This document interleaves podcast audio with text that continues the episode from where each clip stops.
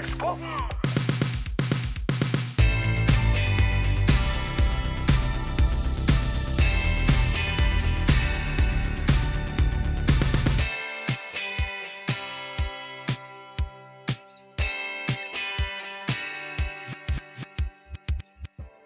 Nå sitter jo Ole Bjørn og jeg her med Kjartan Alexander Lunde og Jonas Andersen Seie. Så gøy å ha dere her. Eh, Begynner med en liten introduksjon. da. Kjartan han er en mann med mange jern i ilden og mye engasjement. Og har nylig vært statssekretær i både Nærings- og fiskeridepartementet og Klima- og miljødepartementet. Eh, Han er utdanna sivilingeniør, og nå jobber han som fylkesleder for Venstre her i Rogaland. Em, ja, og så har han også uh, vært uh, tidligere leder og styremedlem i Unge Venstre. Så begynte med engasjementet tidlig, og ikke minst gått på Akta bibelskole, som flere av dere kjenner til. Ja, Og vært med og uh, leda i Impuls også. Ja. Veldig bra. Så har vi med Jonas Andersen Sayede. Og du er ordfører i Sokndal kommune. Vi hadde jo et spørsmål på Kahoot her i stad om det. Um, Og Norges yngste ordfører. Stemmer ikke det? Og i, eh, i hvert fall i norgeshistorien når du ble satt inn, men fortsatt. Og leda KrFU eh, i eh, Rogaland i, eh, i noen år før det. Og så googla jeg litt på forhånd og fant ut at du har vært på sykkeltur i sommer. Eh, det var liksom eh, Og overnatta hos han. og overnatta hos Kjartan i Oslo. Fra Sokndal til Oslo, så det er jo et godt stykke. 1000 km. Og så er det jo sånn, en sånn ting som som har blitt litt sånn, eh, skal jeg kalle det, varemerket ditt. Er jo det der, eh, første du gjorde når du ble ordfører, var liksom gå ned i lønn. Og, og valgte å bruke nedforhandla lønna rett og slett, for å bruke det på frivillighet og, og andre ting i kommunen. Så det er, vil egentlig begynne med deg, Jonas. Eh, Du er ordfører. Hvordan, hvordan vil du beskrive det? Det er jo først og fremst et eh, svært privilegium å få lov å være ordfører i, i heimkommunen sin. Men uh, altså, hvis jeg skal være helt ærlig, så er det jo som en berg-og-dal-bane. For det, det er noen dager en kjenner at en er liksom Supermann og får til alt, og så er det andre dager der en kjenner seg ganske maktesløs i møte med store og små pro problemer. Men uh, det er utrolig spennende, og så går det utrolig fort. Nå er vi jo snart halvveis i perioden, så prøver jo å få, få gjort så mye som mulig på den tida jeg har. Altså Ordførerrollen er jo så stor, og det er liksom, i en kommune så er det mange behov, og det er mm, ulike press fra hold, og det er stort spenn fra liksom 0 til 100 år i forhold til hva folk trenger av, av ulike ting. Opplever du at det tider at det er overveldende å ha den, ha den oppgaven? Ja, jeg må jo klype meg i armen litt sånn innimellom, for eh, det er utrolig mye så forskjellig som en blir satt til å, å gjøre. Og en er den eneste heltidspolitikeren i kommunen, den øverste politiske lederen, så en har utrolig stort ansvar. Men eh, jeg kjenner det ikke håpløst likevel. Nei. Jeg eh, føler jo at jeg har noe å bidra med, og jeg, eh, jeg visste jo ikke helt hva jeg gikk inn i når jeg begynte for to år siden, men eh, jeg føler det går seg til litt eh, dag etter dag, og så er det jo fortsatt ting en må jobbe med. Sant. Og eh, Kjartan, du har jo beveget deg mellom lokalpolitikk og hva skal vi kalle nasjonalpolitikk, som både statssekretær og eh, fylkesleder. Da. Men det jeg lurer på, nå er du jo fylkesleder, sant? Hvordan ser en vanlig arbeidsdag ut for deg? Hva er det du egentlig gjør? Nå er det jo valgkamp, da, så nå er det jo akkurat, det er akkurat som en sånn der festival, der du bare står på fra morgen til kveld skal til å si, hver dag og girer opp eh, de rundt deg og er med og heier på de frivillige og, og organiserer ting. og ja. Ja, ikke sant? Ja, det kjenner jeg meg igjen i hvert fall, det med festival. Så ja. Er det, eller er som impuls i to måneder? ja. ja, det er nesten sånn, faktisk. Ja. Like travelt, bare litt lengre tidsrom, nesten. ja. Så har dere egentlig tid til å være her? Er jo Jeg ser på Kjartan, jeg, føler du er overalt. Det er jo hele meningen med valgkamp er jo å treffe mennesker og fortelle litt om politikk og litt om hva du står for og gjør. Og, ja. Ja. Så jeg, eh, det er ikke sikkert så mange her er venstrevelgere, men jeg syns det er veldig bra å være her allikevel og Ja, sant. treffe mennesker. Ja, og dere representerer jo to partier her, altså KrF og Venstre. Eh, og en ting som Ole Bjørn og jeg har tenkt litt på, da, er jo hvordan er det for dere nå? Begge disse partiene gjorde jo litt rundt sånn, den mye omtalte sperregrensa. Har dere mareritt om sperregrenser, eller åssen er det? Jeg, jeg har jo vært med i Unge Venstre Venstre i 20 år i år. Ja. Ehm, og jeg er jo ganske vant egentlig med at det hopper opp, ned, opp og ned litt med målingene. Så jeg em, greier ikke helt å få mareritt over det, men eh, allikevel veldig viktig at både KrF og Venstre kommer over sperregrensen. Det tror jeg er viktig for landet vårt. Og jeg har jo en sterk tru, så jeg håper jo at vi kommer over sperregrensa. Men eh, altså, det er jo klart vi kjenner jo litt på det. Men eh, Nå tror jeg, eh, tror jeg vi skal klare det, men hvis vi ikke klarer det, så kommer vi nok uansett til å komme inn på Stortinget med ei, liten gruppe og, og markere oss. Men eh, det er ganske stor forskjell på å komme over unna på, på antall representanter, på hvor stor innflytelse en vil ha de neste årene. Sperregrensa er jo på 4% og det er kanskje ikke alle her, så, eller de som eh, ser på, på Zoom, som, eh, som liksom vet nøyaktig liksom, hva, hvorfor er sperregrensa så viktig. Har liksom, eh, en av dere liksom mulighet til å gi en sånn kort intro på hvorfor sperregrensa er så viktig? Ja, Venstre er jo ekspert på sperregrenser. så- Nei, jo, Du får jo direktemandater i de forskjellige valgkretsene. Man har 19 valgkretser i Norge. Og så får du direktemandater hvis du får så og så mange stemmer. Eh, men så har du jo, pga. at det ikke er alle partier som får like mye i alle, så har du 19 eh, mandater som blir fordelt til de partiene som kommer over 4 men som ikke har fått nok til å få nok distriktsmandater eller direktemandater. Og for eh, Venstre og KrF, som gjerne får to eller tre direktemandater hver, så får vi kanskje fire-fem ekstra mandater bare med å komme over sperregrensen. Så det betyr at vi er mer enn dobbelt så mange eh, med å komme over den hvis vi havner på 3,9 eller hvis vi havner på 4,0. Veldig bra. Altså, dere, Du sa jo i stad at du overnatta hos Kjartan eh, i, eh, i sommer på sykkeltur. Altså, Dere er jo blitt bekjente. Hvordan vil dere beskrive hverandre? Begynner da. Ja, kjør. Nei, Kjartan er jo egentlig imponert meg helt siden jeg kom inn i fylkespolitikken. Han er jo en utrolig grundig politiker, og han er jo kanskje spesielt god på det jeg ikke er så god på. med Altså, Han er utrolig god på å holde innlegg, og saklig og utrolig kunnskapsrik. Så eh, han, eh, han representerer partiet sitt på en utrolig god måte i fylkestinget. Bare at de, Han er jo den eneste representanten de har der. Så velgerne deres får ganske god valuta for, eh, for stemmer, vil jeg si. Jonas er fantastisk sånn omgjengelig, koselig å være med. Jeg tror egentlig alle burde bare invitert han på middag en dag og bare opplevd hvor, hvor kjekt det kan være. Og så mm, er han jo fantastisk dyktig. Du blir liksom ikke ordfører, Norges yngste ordfører da, for så vidt uten at du er utrolig dyktig og står på og er godt likt i lokalsamfunnet ditt. Det er ikke noe sånn, Nå er det jo veldig god stemning her, men det er ikke noen sånne ting dere liksom irriterer dere over overfor noen andre, eller eh, Det er jo feil parti, da. Men heldigvis så samarbeider vi både på fylke og i regjering, så akkurat nå er det ganske greit. Det er god stemning. Men er det, er det alltid så god stemning mellom eh, politikere fra ulike partier, eller er det litt sånn gnisninger når man snakker i fylkeskommunen, eller på bystyret, eller på Stortinget, hvis man har erfaring med det? Hvordan er det mellom partiene? Jeg tror nok eh, KrF og Venstre ligger ganske nærme hverandre på ganske mange ting, og da gjør det at vi samarbeider godt og er enige om ganske mye. Så da er det liksom ikke så mye gnisninger. Noen andre partier, gjerne lenger ut på rød-grønn side, så kan det være litt mer gnisninger og litt mer av det. Dere har jo lenge engasjert dere begge to, politisk fra ung alder. Begge to har vært ledere for eh, altså, ungdomspartiene til deres respektive partier. Um, og så lurer jeg på, altså, hvor begynte dette engasjementet for politikk? Um, kan begynne med deg, Kjartan. Uh, ja, hva bunner det i? Og hvor ung var du da du startet? Det er vel 20 år siden i år. Ja. Da var jeg vel 14 år, da, for, eh, så hvis jeg regner dette ut nå. Eh, og det var når jeg skulle ha et skoleprosjekt. Jeg skulle egentlig ha med Senterpartiet, og så var det en annen i klassen som skulle ha med Venstre. og Så gikk vi ned sammen for å møte de partiene. og jeg fant vel egentlig ut at Senterpartiet ikke var noe for meg. De var litt for nasjonalistiske og litt for mye Norge først. Uh, Mens Venstre sto for en del av de andre verdiene, med mer internasjonalt samarbeid og, og ut i verden. Og, uh, ja. Og i tillegg denne miljøaspektet.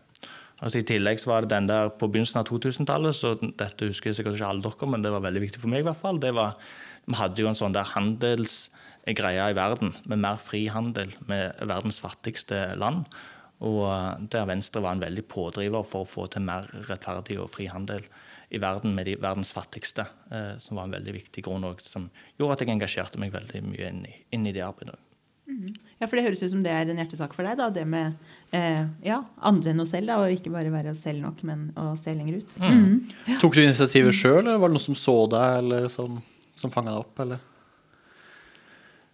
Jeg vet ikke, det var plutselig så bare drog det på, og så var jeg der plutselig. Eh, Men eh, det var jo menneskene rundt eh, som ble inspirert av oss, i tillegg så når du sjøl kunne være med og forme en del av det partiet du ble en del av, og se at du kunne være med og faktisk påvirke og være med og motivere mennesker rundt deg til å eh, arbeide for de samme tingene, og sånt, som gjorde at det ble bare Det ble veldig bra å være med. Ja, sant. Ja. Og Jonas, hvor begynte det for deg? Ja, jeg var jo Sammenligna med Kjartan, var vel egentlig ganske gammel da jeg begynte. For eh, eh, det begynte vel egentlig med at uh, ungdomslederen min utfordra meg til å sitte i ungdomsrådet i kommunen. Eh, alle kommuner har jo i dag ungdomsråd som skal være et sånn politisk medvirkningsorgan for ungdom, men eh, i Sokndal på den tida var det vel mest en sånn festkomité. Jeg trodde vel egentlig han utfordra meg til å være med i ungdomsstyret i ungdomsarbeidet, men eh, jeg, jeg takket visst ja til å bli satt der. Så da satt jeg der på vegne av eh, ungdommene på Betania, altså menigheten min. Eh, der satt jeg ett år. eh, var med i litt eh, forskjellige ting, og så reiste jeg på utveksling, andre klasse videregående.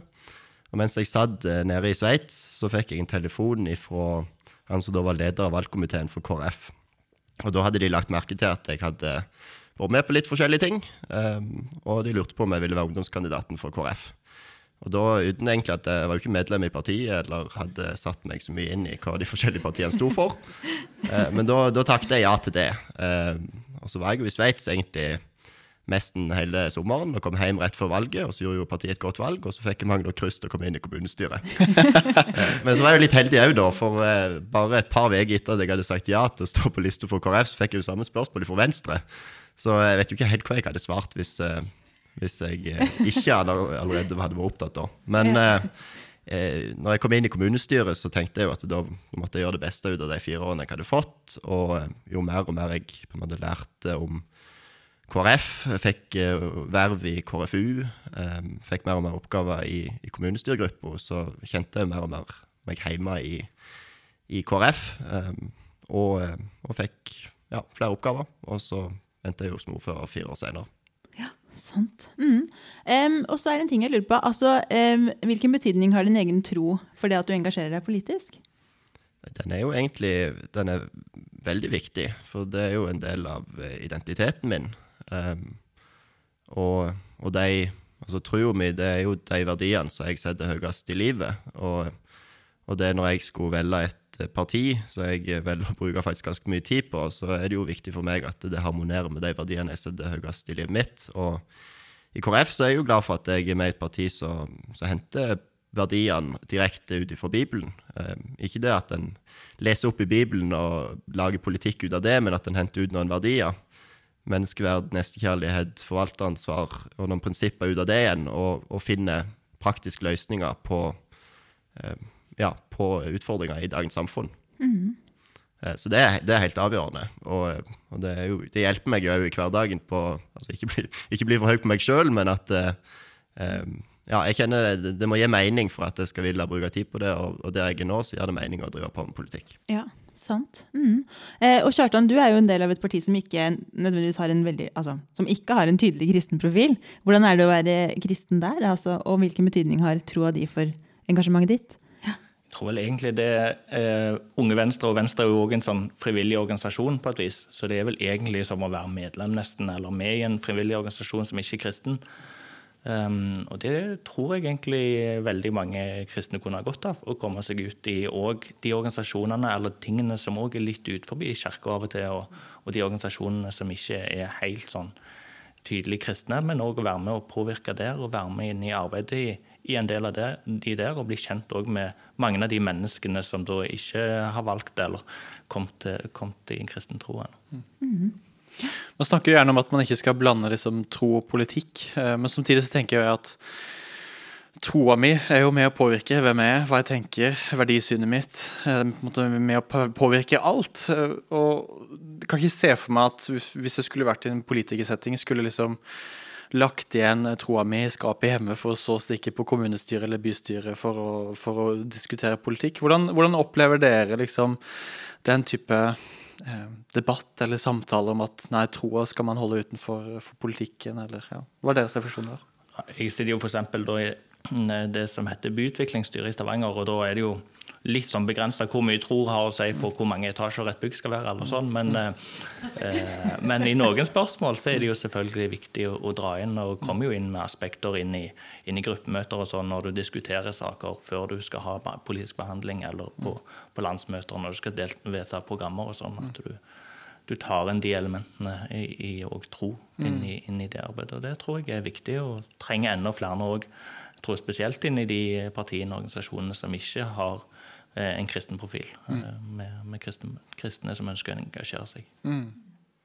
Det er jo så du sier at uh, altså hvis du har en, en tru, eh, så er jo ikke det noe du kan, kan legge ifra deg. Eh, og det er jo ikke noe som egentlig er helt nøytralt.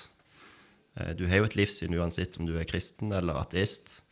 Eh, og sånn For egen del så er det jo klart at det er jo litt eh, det er jo krevende. eh, Spesielt når du har en, en, en rolle som ordfører, der du skal være ordfører for alle. Ikke bare for kristne eller bare for de som stemte på meg på, på valg, eller de partiene som samarbeider med kommunestyret. Du skal være ordfører for alle. Um, så det er, det er helt klart vanskelig, det. Men jeg, jeg tror mye av det det handler om at du skal være du må være åpen på den du er. Og jeg tror det er ingen i Sokndal som ikke vet at jeg er aktiv i, i pinsemenigheten. Um, og så tenker jeg sånn rent sånn politisk, uh, så kan jeg jo være enig med at du skal ikke dra religion inn i politikken i altfor stor grad. Um, men der vil jeg jo si at mange av de partiene som snakker mest om at du ikke skal blande tro og politikk, gjør jo egentlig det motsatte når de, når de egentlig går inn og egentlig vil diktere hva som skal være trossamfunnene sitt eh, syn på altså teologiske spørsmål. At du f.eks. skal bruke offentlig støtte som et eh, egentlig pressmiddel på å eh, bestemme hva, hva trossamfunnene skal, skal mene. At du kan holde tilbake offentlig støtte hvis du ikke mener det er så rett eh, hos et flertall i befolkningen. Mm. så der tror jeg de fleste partiene egentlig bør gå litt inn i seg sjøl og heller anerkjenne at vi skal ha trosfrihet, og vi skal um, ha et sunt forhold på, på tru og den, den viktige betydningen det fortsatt har for veldig mange nordmenn. Opplever du at eh, du som ordfører, og som du selv sier, er aktiv i pinsemenigheten, at det hindrer deg i å skulle Eller opplever du å få fordommer, da, egentlig, mot deg? Og, og på en måte den, det at du både er for KrF, men òg aktiv i den lokale menigheten. altså, Får du plassert noen merkelapper på deg pga. det? Sånn som du opplever det? Det har ikke vært veldig mye. Og det er jo nok litt i sammenheng med at Sokndal er et ganske lite lokalsamfunn. Bare 3300 innbyggere i kommunen. Så de fleste kjenner meg jo og vet jo hvordan, eh, altså hvordan jeg er. Det er jo sånn at jeg, eh, det er jo nesten litt sånn når du går på butikken, så, så ser jo folk på de stopper deg og, og vil ta opp forskjellige ting. Men eh, ja, på, på godt og vondt. Men eh, jeg, jeg kjente spesielt, for jeg, eh, et halvt år etter at jeg begynte som ordfører, så fikk jeg jo eh, spørsmål om jeg hadde lyst til å, å delta på Visjon Norge. Eh, på et program der og snakke litt om eh, egentlig helt normalt intervju om eh, hvem jeg er, og, og spesielt da dette med, med lønna, da. Og hvorfor jeg hadde gjort det. Eh, og da var jeg litt sånn skeptisk til å reise bort til Østlandet ens ærend for å være med på det, men, men så passet det eh, praktisk med at jeg allerede var på en konferanse der borte. Eh, men jeg var tydelig med programlederen på hva jeg hadde, var komfortabel med å snakke med. og alt sånn. Uh, Syns egentlig det gikk veldig greit, og fikk noen positive tilbakemeldinger for en del som hadde sett på. Uh, og så kom jeg hjem uh, og ser jo at eh, Facebook hadde jo gått eh, ganske Ja, kommentarfeltene var god aktivitet. Og neste, neste dag så fikk jeg telefon fra lokalavisa, og det var svært oppslag med at eh, Arbeiderpartiet og Frp i kommunestyret syntes det var eh, eh, ja, ikke bra at en ordfører kunne stille opp på noe sånt. Eh, Men jeg prøvde å forklare på, på, på så god måte som mulig at, eh, altså hvorfor jeg hadde gjort det, og hva vi hadde snakket om. Og, og de som faktisk hadde sett sendingen, kommenterte jo unna at det, de skjønte ikke hvorfor det kunne være problematisk. Men det viser jo at eh, vi nok fortsatt har en, en liten vei å gå. Ja, det Eh, jeg opplever i eh, de siste årene eh, innenfor kirka at man har på en måte gått fra å tenke at vi skal utruste og lære opp folk til å bli gode lovsangsledere og stå i velkomstteamet i døra, til å tenke litt mer større om vårt oppdrag og det å være en samfunnsbygger. Selvfølgelig skal vi ha gode folk til å stå i døra og ønske folk velkommen, og vi skal selvfølgelig lære opp gode lovsangsledere, men likevel tenke litt utover seg sjøl på det store samfunnsoppdraget. Opplever det i større grad eh, et skifte på det de siste fem årene, kanskje, at man har fått mer fokus på det. Både i forkynnelsen, hva man snakker om, og hvilke ulike folk man henter inn i de ulike kirkelige settingene. Eh, men når man kommer til den erkjennelsen av at ja, vi, vi er en kirke, vi består av kristne folk som har lyst til å påvirke samfunnet vårt, så i hvert fall noe jeg har knota litt med eh, siste, siste måned. Litt sånn, hva er neste steg da, når man har kommet til den erkjennelsen på at de folka vi har med å gjøre i kirka, de som tilhører ungdomsarbeidet vårt, Vi skal utruste dem, vi skal disippelgjøre dem. Vi har lyst til at de skal være med og påvirke samfunnsdebatten, påvirke politikken eller næringslivet, helsevesenet, uansett hva. Altså på alle områder. Og jeg tror de fleste av oss som hører på det her, er på en måte enig i den tanken. Men hvordan, hva er på en måte neste steg, da? Eh, hvordan, hvordan, tar man det videre til å liksom gå fra erkjennelsen til å faktisk realisere det og gjøre noe? Hva tenker dere? Nå tenker jeg spesielt på i møte med folk. da. Uh, jeg står jo i døra her eh, hver tredje helg mm. og greier å kombinere det med mm. å ha et engasjement i, i Venstre og mm. i, i, politikken, og delta på en del andre frivillige arbeid. Så jeg tror det, det er bare å oppmuntre på en måte til at det går an å kombinere dette med å ha et ha et oppdrag eller oppgaver i, i, menigheten eller i kristent arbeid, og, og kombinere med å prøve å være med på en del av det som skjer ute i samfunnet, og delta i, i andre organisasjoner eller i politisk arbeid. Mm. Så um, det tror jeg eh, samfunnet vårt har godt av. At uh, flere kristne hadde engasjert seg òg i det som eh, skjer på, på flere fronter i, i samfunnet. Enig i det. Og så er det nok også sånn at det er nok forskjell òg fra, menighet til menighet, og fra eh, altså de ulike lederne i de forskjellige menighetene på hvor obs eller hvor opptatt en er av dette. Eh, det er jo så du sier at det, jeg opplever òg at det har vært et eh, fokus eh, de siste årene, men jeg tror nok en må fortsette å snakke om det, for det var jo noe av det jeg òg kjente, kjente, på når jeg egentlig merka at politikken ble mer og mer, og at det fortsatt skulle være aktiv i, i, menigheten, men det er jo klart en må jo prioritere litt hva en bruker tid på òg. Og en får ikke tid til alt. og da var det på en måte viktig for meg å Altså når jeg prioriterte å bruke litt mer tid på politikk fordi jeg kjente det var meningsfullt, at, at jeg fikk backing på det. Men jeg, jeg, jeg, husker ikke at det var liksom på konferanser jeg var akkurat når jeg var i den, den situasjonen at det, var, at det ble snakka så mye om da. Men jeg tror det hadde vært en trygghet hvis jeg hadde hørt eh, gode forbilder reflektert om det. Eh, så jeg tror en må fortsette å, å, snakke om det. Og så er jeg jo enig med Kjartan at vi, jeg tror det er sunt for, for menigheten og for, um, ja, for alle at vi, vi, viser oss ute. Um, det er jo sånn Norge blir jo et mer og mer pluralistisk land, og det er jo færre som tror, dessverre. Men uh, da må iallfall vi som tror, vise oss utenom å være, være, gode lys og, og åpne opp um, åpne opp menighetene for enda flere. Mm. Ja, for Du nevner nå at du gjerne skulle sett noen som reflekterte litt rundt det, de tingene, da, og det å engasjere seg eh, utenfor kirka også. Vil du si at, eh, og det er spørsmål til dere begge for så vidt, men dette med, er det bare, er, drives dere av et slags indre engasjement, eller har det også vært eh, enkeltpersoner da, som på en måte har oppmuntret dere til å drive med politikk? da? Kanskje sånn, hvis man reflekterer litt tilbake til når dere starta, og hva er det som på en måte kickstarta det litt, hvis man kan si det, fikk dere i gang? Er det bare indre, indre driv og engasjement, eller var det noen som også på en måte oppmuntret dere spesifikt? da?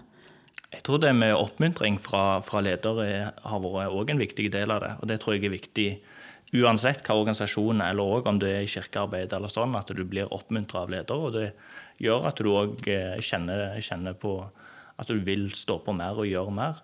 Eh, så jeg tror òg det er en kombinasjon av det. Og så òg at når du ser at du kan få gjennomslag, at du kan være med å påvirke og sånn òg, så gir jo det et indre engasjement for å stå på videre og fortsette det arbeidet du er med i. Mm. Ja. ja. for altså, hadde det ikke vært for deg, så uh, Det er jo noen som må spørre for at en kommer inn i det. Uh, og det var jo først den telefonen jeg fikk om jeg ville stå på lista til KrF. Og så de personene, spesielt gruppelederen, så, så ga meg oppgaver uh, fra veldig tidlig og lot meg vokse. og så egentlig helt til jeg ble utfordra til å stille som ordfører.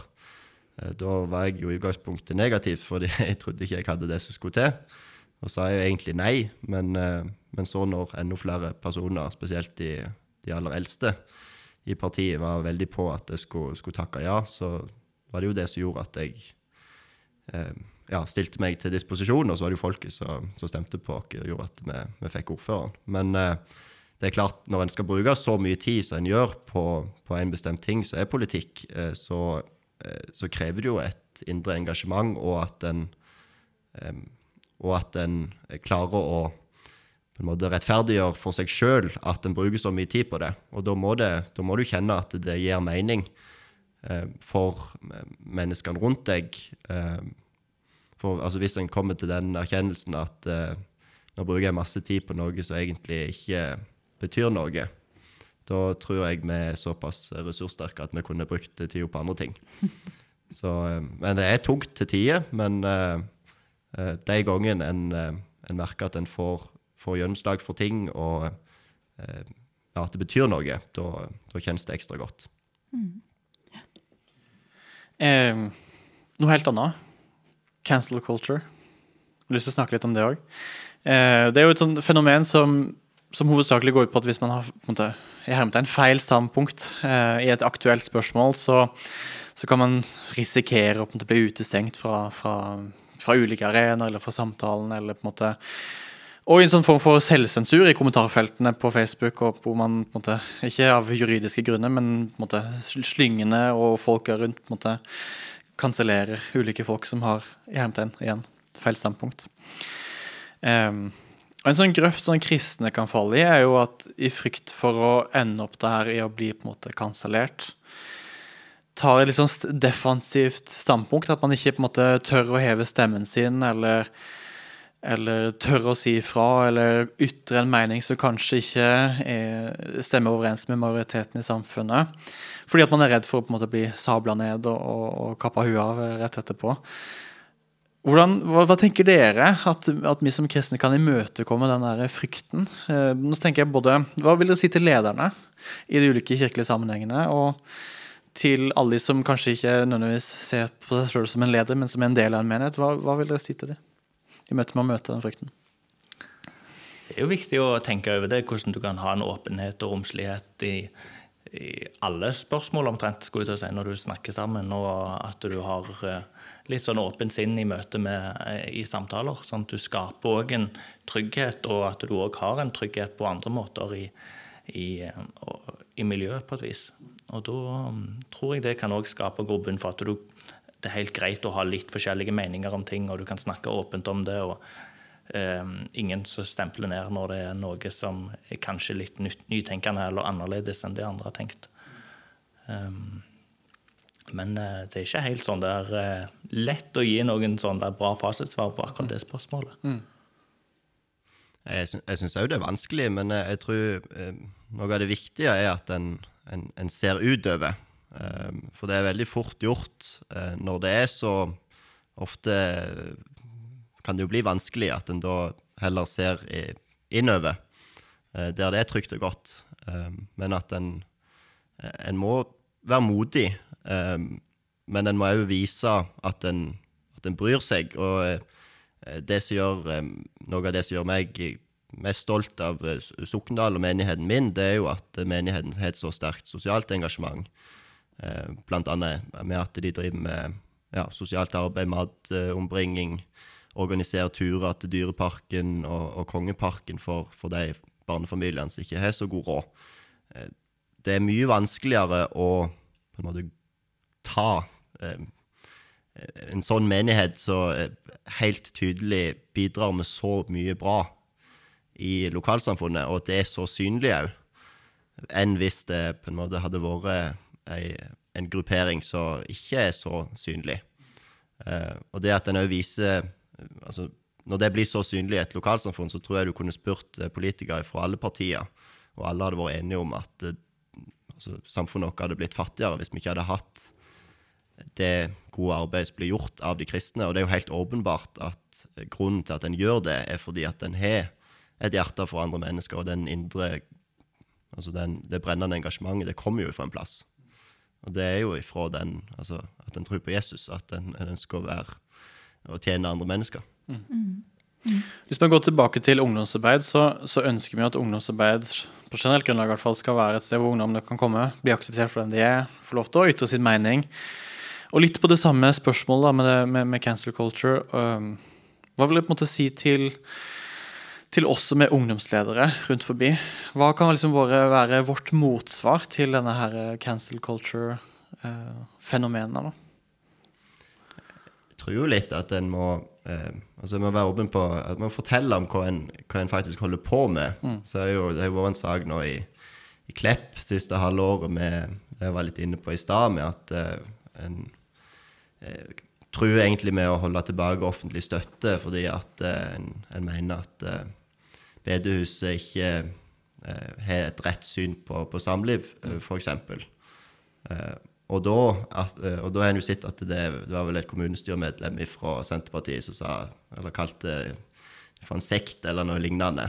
Um, da viser jo at en ikke har sett hva, altså hva som faktisk blir drevet med av arbeid i, i ungdomsarbeid, f.eks. Mm. Uh, så det at en viser hva en, hva en holder på med, alle aktiviteter, og at en, en gjør Altså, ungdommer må være det skal ikke være sånn at du er flau av å, av å gå på ungdomsmøter på lørdagen. Mm. Uh, ja. Men jeg oppmuntrer og, og viser raushet i praksis. Altså, det må være samsvar mellom liv og lære. Det, mm. det er viktig. Mm. Jeg er helt enig på det. Og det at du har Du kan jo ha ungdomsledere som kan være tydelige på hva de sjøl tenker og mener, men selv samtidig åpne bare for for uh, hvordan andre tenker og, mm. og, sånn. Og bare ha den åpenheten òg i, i, samfunnet det eller i, i, miljøet, samtidig som du har en tydelighet på, på det du sjøl tenker og mener. Mm. Ja, bra. Um, nå skal vi, eh, Apropos det med ungdomsarbeid da, eh, og tenåringstida, så tenkte vi å stille et ganske sånn klisjéfylt spørsmål, men allikevel snu på det. Så det som ville vært normalt å si, var jo sånn hvis du kunne reist tilbake i tid, hva ville du sagt deg selv som 13-åring? Um, vi snur litt på det og sier sånn at hvis du kunne reist tilbake i tid, hva ville du sagt til en viktig voksen person i ungdomstida di, da? Um, som kanskje var der sånn, i hans bidrag eller hennes i å oppmuntre deg til å engasjere deg. da. Mm. Mm. Fikk dere tak i spørsmålet? Ja. ja. Nei, det er bare enormt viktig å engasjere seg og være med på ting som skjer. Det gjør at du er bedre utrustet for resten av livet hvis du har vært med på, i forskjellige organisasjoner, fått vært med på Du har lært enormt mye. Og bare i det politiske arbeidet så er det liksom mindre enn 2% av eh, Norges befolkning som er aktive i partiene. Og de mindre enn 2% de bestemmer liksom partiprogrammene, de bestemmer hva de forskjellige partiene skal mene. og sånn. Så du har liksom Du kan påvirke enormt mye hvis du bare er med og eh, bidrar inn i det som, som skjer på, i organisasjoner og i partier. Mm. Enig i det. Oppmuntra til engasjement, og jeg er jo veldig glad for at uh, ungdomslederen min Jeg kan jo takke han mye av det at jeg kom inn i det, for det var jo han som starta hele karusellen med at han fikk meg inn i dette ungdomsrådet. Uh, men jeg opplevd egentlig begge deler, for det, det var en annen voksen uh, leder i menigheten som egentlig anbefalte at jeg skulle slutte med politikk når jeg var 19 år. Og det, det sitter jo fortsatt litt i. altså Jeg kjenner jo fortsatt litt på det.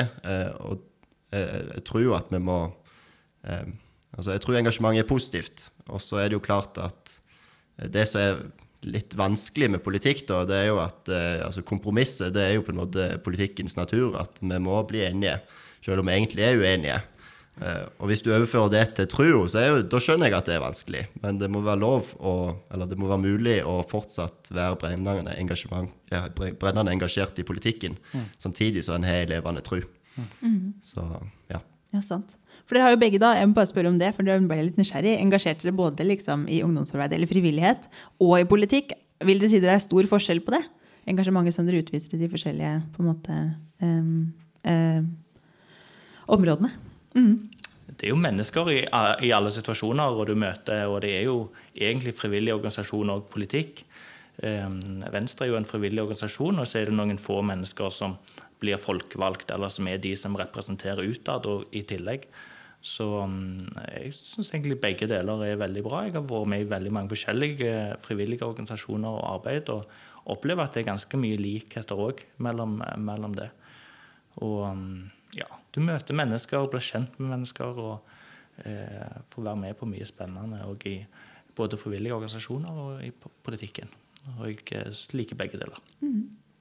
Jeg syns det er veldig kjekt med begge deler òg. Nå er jeg med litt sånn å arrangere en kristen ungdomsfestival i Sokndal, som skal ha ute i september. Etter valget fikk jeg selvfølgelig til, så mye å gjøre. Men uh, det, er jo, det, er jo, forskjellig, men samtidig så er det mye likt. Altså, det handler jo om hvordan en uh, eh, altså få gjennomført ting. At en klarer Det er mye praks, eh, praktisk arbeid òg i, eh, i, en menighet. Eh, så er vi gode på forskjellige ting, så det, det handler jo om å finne eh, Altså bruke de gavene som vi, vi har fått, på, på, best mulig måte, og sette dere ned sammen og skape noe ut av det. Det, både i menighetsliv og i politikken. Veldig bra. Bibelen snakker litt om å be for, eh, for myndigheter, for, eh, for, ledere i samfunnet. Og uh, vi har lyst til å avslutte den praten her, fantastisk prat, med å be for dere. Det er greit for dere? Veldig gjerne. Ja, Så bra. Be inn i valgkampen og i innspurten, heter vel, og, og videre. Tid kan ikke vi som er i salen her, og strekke hendene mot dem og være sammen og, og be for dem. Takker deg, gode Gud, for alt det gode du har gjort. Be for Kjartan og for Jonas, som er her nå, og de partiene de representerer, og alle de andre politikere og, og ledere i samfunnet vårt som, som, styrer landet. Jeg ber om mye visdom. Eh, vi ber om gode løsninger. Vi ber om at uh, du uh, viser deg for dem. Gå sammen med dem. Vi ber om mye energi og overskudd inn mot eh, de neste ukene nå, inn mot valget og, og eh, det som, eh, som, skjer der. Mm. Jeg ber òg for dette med, med, cancel culture og de tinga som kanskje kan være en sånn barriere for folk til å heve stemmen, om at du bryter ned det som har med frykt å gjøre. Og det som bryter, og bryter disse barrierene som, som hindrer folk i å ta initiativ, eller ja. Og ber om at disse to her, og skal, skal, kjenne på en sånn frimodighet i møte med å heve stemmen eh, inn i samfunnsdebatten. Eh, stå opp for sin mening. Det ber vi om, Jesus. Amen. Amen. Mm. Tusen hjertelig takk for at vi fikk lov til å snakke med dere, og lykke til videre. Tusen takk for det. Tusen takk for det.